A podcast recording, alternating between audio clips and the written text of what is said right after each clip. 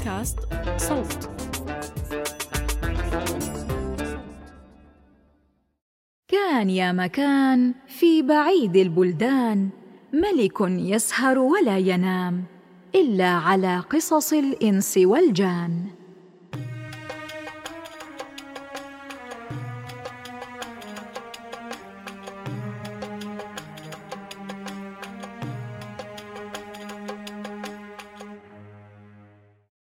بلغني أيها الملك السعيد أنه كان في بغداد بيت بعيد تعيش فيه ثلاث فتيات لهن من المال والخيرات ما يكفيهن مدى الحياة يقضين نهارهن في اللهو والمرح والمنادمة والفرح ويقضين ليلهن في الطرب والسمر والرقص حتى السحر وفي ليلة من الليالي طرق بابهن بعض الأغراب.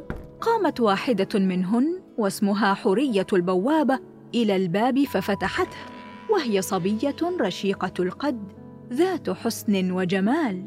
ثم عادت وقالت لهما إنها وجدت بالباب ثلاثة أعاجم ذقونهم محلوقة وعور بالعين الشمال.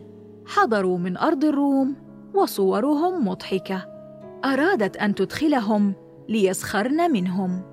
وظلت تتلطف بصاحبتيها حتى وافقتا ففرحت وعادت إلى الباب وقالت للأعاجم الثلاثة أن يبيتوا عندهن بشرط أن يدخلوا تحت حكمهن ومهما رأوا لا يسألوا عنه ولا عن سببه فأقسموا لها على ذلك. ثم سارت بهم فمشوا حتى انتهوا إلى قاعة فسيحة مزركشة مليحة. وفي وسط القاعه سرير من المرمر ومن داخله صبية بعينين بابليتين واسعتين وكان اسمها زبيدة سيدة البيت وبجانبها دلالتها أمينة وهي ناعمة الأطراف كاملة الأوصاف. فجلسوا فقامت أمينة الدلالة ووضعت الأكل لهم فأكلوا ثم جلسوا يتنادمون وحورية البوابة تسقيهم. ولما دارت الكأس بينهم قام الأعاجم الثلاثة وأخذ كل واحد منهم آلة موسيقية فعزفوا بها وغنت البنات وصار لهم صوت عال.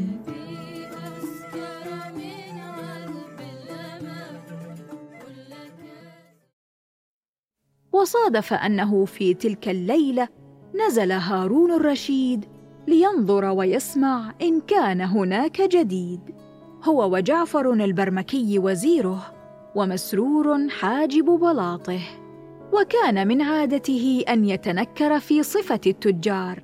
فلما نزل تلك الليلة ومشى في المدينة جاءت طريقهم على تلك الدار فسمعوا الموسيقى والغناء. فانتاب الخليفة الفضول من غناء الفتيات وأصواتهن العذبة فأصر الخليفة على الدخول وأمر جعفرا أن يتحايل معهن حتى يدخلنهم. ثم تقدم جعفر وطرق الباب وفتحت حورية البوابة الباب أمامه وسألته من يكون فأخبرها أنهم تجار من طبرية نازلون في خان التجار فخرجوا ليلا وهم غرباء فتاهوا عن الخان ورجاها أن يبيتوا عندهن لليلة واحدة. نظرت البوابة إليهم فوجدتهم بهيئة التجار وعليهم الوقار فدخلت لصاحبتيها وشاورتهما فوافقتا فرجعت وفتحت لهم الباب. فدخل الخليفة وجعفر ومسرور الحاجب فلما أتوا البنات قمن لهم وخدمنهم. مرحبا واهلا وسهلا بضيوفنا الكرام. لنا عليكم شرط واحد وهو ألا تتكلموا فيما لا يعنيكم فتسمعوا ما لا يرضيكم. فأقسم الخليفة وجعفر ومسرور لهن على ذلك وبعد ذلك جلسوا للشراب والمنادمة فنظر الخليفة إلى الأعاجم الثلاثة فتعجب منهم ونظر إلى البنات وما هن فيه من الحسن والجمال فتحير وتعجب ولكنه استمر في المنادمة والحديث. فلما تحكم الشراب بالفتيات قامت زبيدة سيدة البيت وأخذت بيد أمينة الدلالة وقالت يا أختي قومي لنقضي ديننا. فقامت أمينة الدلالة ودخلت إلى غرفة مجاورة. وقامت حورية البوابة وأخلت وسط القاعة ثم عادت أمينة الدلالة ومعها وحشان أسودان. ليسا كأي من الوحوش التي يعرفها البشر في رقبتيهما جنازير. فأخذتهما الدلالة ودخلت بهما إلى وسط القاعة. فقامت سيدة البيت وشمرت عن معصميها وأخذت صوتا.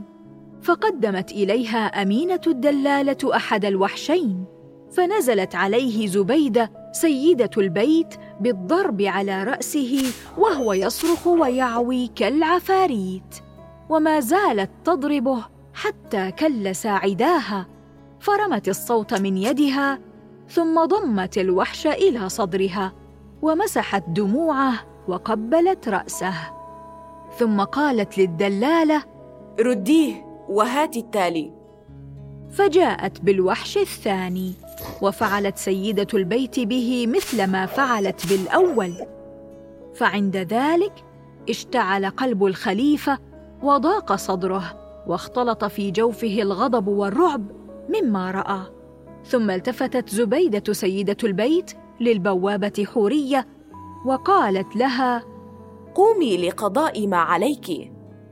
ثم إن سيدة البيت صعدت على السرير وقالت لحورية البوابة وأمينة الدلالة ائتيا بما عندكما. فأما البوابة فصعدت على سرير بجانبها وأما الدلالة فأخذت العود من الأعجمي وأعطته لزبيدة فجعلت سيدة البيت تغني وتعزف. فلما سمعت أمينة الدلالة ذلك الغناء بدأت ترقص وتدور ثم شقت قميصها ووقعت على الأرض مغشيا عليها. فلما انكشف بعض كتفها رأى الخليفة أثر ضرب المقارع والسياط عليها فتعجب من ذلك غاية العجب. فقامت حورية البوابة ورشت الماء على وجهها وأتت إليها بحلة وألبستها إياها. ثم عادت سيدة البيت إلى الغناء. فلما سمعت حورية البوابة الأغنية قامت ورقصت وجعلت تدور ثم شقت قميصها كما فعلت الأولى وصرخت ثم ألقيت على الأرض مغشيا عليها. فلما انكشف بعض كتفها ظهر أثر ضرب المقارع والسياط عليها فقامت أمينة الدلالة وألبستها حلة ثانية بعد أن رشت الماء على وجهها. فجزع أحد الأعاجم والتفت إلى الخليفة مستنكرا متحسرا يقول ليتنا بتنا على الرصيف وما دخلنا هذه الدار. فعرف الخليفة أنهم ليسوا من أهل الدار وحاولوا إيجاد حل فيما بينهم. فنفد صبر الخليفة وأمر جعفرا أن يسألهن عما يدور بينهن. فلما سألهن غضبت زبيدة وقالت والله لقد آذيتمونا يا ضيوفنا أذية بالغة. وكنا قد اشترطنا عليكم أن من تكلم فيما لا يعنيه سمع ما لا يرضيه. ثم شمرت عن معصمها وضربت الأرض ثلاث ضربات وصرخت. عجلوا. وإذا بباب خزانة قد فتح وخرج منها سبعة حراس بأيديهم سيوف مسلولة. كتفوا هؤلاء واربطوا بعضهم ببعض. ثم أمهلوهم ساعة حتى أسألهم عن حالهم قبل ضرب رقابهم. ثم التفتت إلى الرجال المكتفين وقالت أخبروني بخبركم فما بقي من عمركم إلا ساعة. فتقدم أحد الأعاجم فطلب الإذن فأذنت له وأمرت بفك وثاقه. فجلس وقال اعلمي يا سيدتي أن هذا لم يكن دوما حالي وإنما جرى لي أمر غريب. وإن لتلف عيني حكاية لو كتبت بالإبر على آماق البصر لكانت عبرة لمن اعتبر. إن سبب حلق ذقني وتلف عيني أن والدي كان ملكا وكان أخوه ملكا على مدينة أخرى. وكنت أزور عمي وأقعد عنده اشهرا عديدة. فزرته مرة فاستضافني ابن عمي وجلسنا للشراب. فلما تحكم الشراب فينا طلب مني طلبا غريبا. نهض ابن عمه وغاب قليلا. ثم عاد وخلفه امرأة فاتنة الجمال. وطلب من صديقنا الأعجمي أن يأخذها ويسبقه إلى مقبرة الشعبة القبلية وأن يدخل معها وينتظره هناك. ووصف المقبرة لي فعرفتها ولم أقدر على رد سؤاله لأنني حلفت له. فأخذت المرأة وسرت إلى أن دخلت التربة أنا وهي. فلما استقر بنا الجلوس جاء ابن عمي ومعه طاسة فيها ماء. وكيس فيه جبس ومعول ثم إنه أخذ المعول وجاء إلى قبر في وسط التربة ففككه وحفر بالمعول في الأرض حتى كشف عن سرداب له باب صغير فبان من تحت الباب سلم معقود. ثم إنه أوحى إلى المرأة بالإشارة فنزلت على ذلك السلم. ثم التفت إلى صديقنا الأعجمي وطلب منه أن يتمم المعروف وينتظره لينزل على السلم ويرد الباب وعليه التراب كما كان وأن يعجن الجبس بالماء ويجبس القبر كما كان حتى لا يعرفه أحد. ثم نزل على السلم فلما غاب عني قمت وفعلت ما أمرني به حتى صار القبر كما كان. ثم رجعت إلى قصر عمي. وكان عمي في الصيد والقنس فنمت تلك الليلة فلما أصبح الصباح رجعت إلى مدينة أبي. وعندما وصلت نهض إلي الجند من باب المدينة وكتفوني فتعجبت كل العجب. ثم بعد حين قال لي بعضهم إن أبي قد غدر به الزمان وخانته العساكر وقتله الوزير. ثم أخذوني فمثلت بين يدي الوزير الذي قتل أبي وكان بيني وبينه عداوة قديمة وسبب تلك العداوة أني كنت مولعا بصيد الطيور. وفي يوم من الأيام أردت أن أضرب طيرا وإذا الحصاة أخطأت وضربت عين الوزير فأتلفتها. فلما وقفت أمامه وأنا مكتف أمر بضرب عنقي فقلت أتقتلني بغير ذنب؟ فأشار لعينه المتلفة وقال أي ذنب أعظم من هذا؟ فأخبرته أني فعلت ذلك خطأ. فقال لي إن كنت فعلته خطا فأنا أفعله بك عمدا. قدموه بين يدي. فقدموني بين يديه. فمد إصبعه في عيني الشمال فأتلفها. فصرت من ذلك الوقت أعور كما ترونني. ثم كتفني ووضعني في صندوق وقال للسياف أن يأخذني خارج المدينة ليقتلني ويتركني للوحوش تأكلني.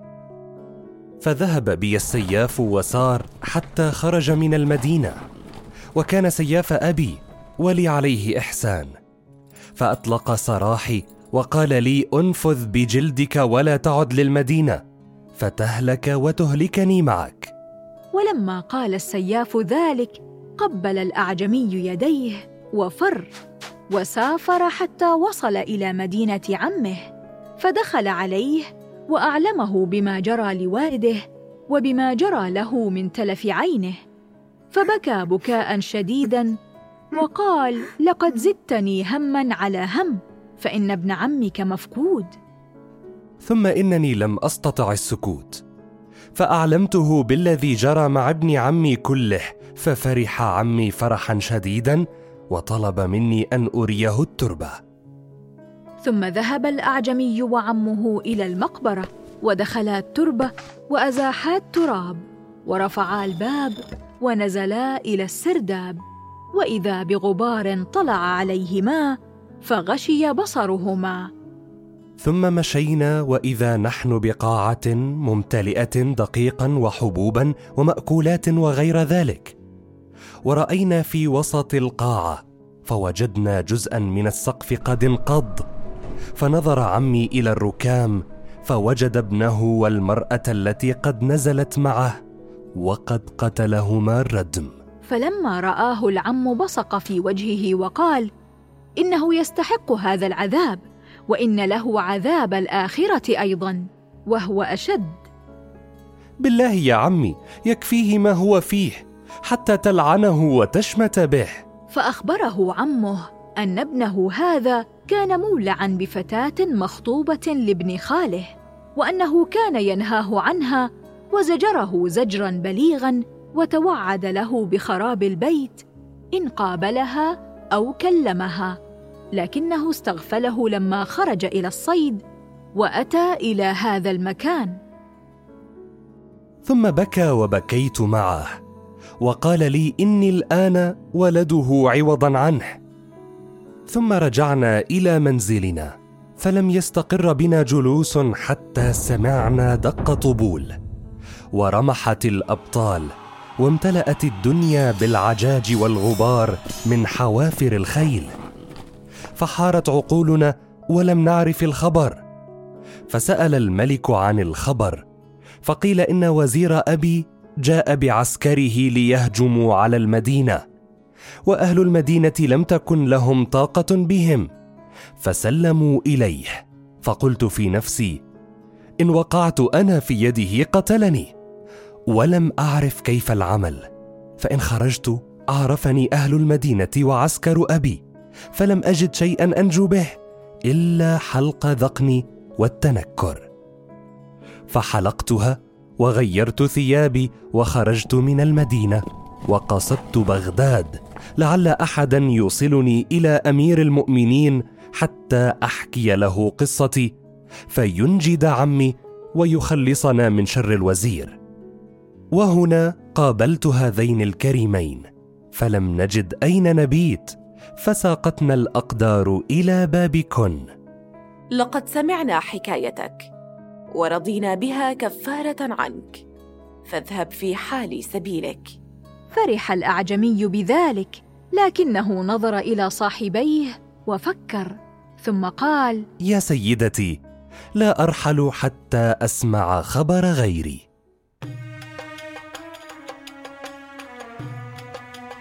وأدرك شهرزاد الصباح فسكتت عن الكلام المباح.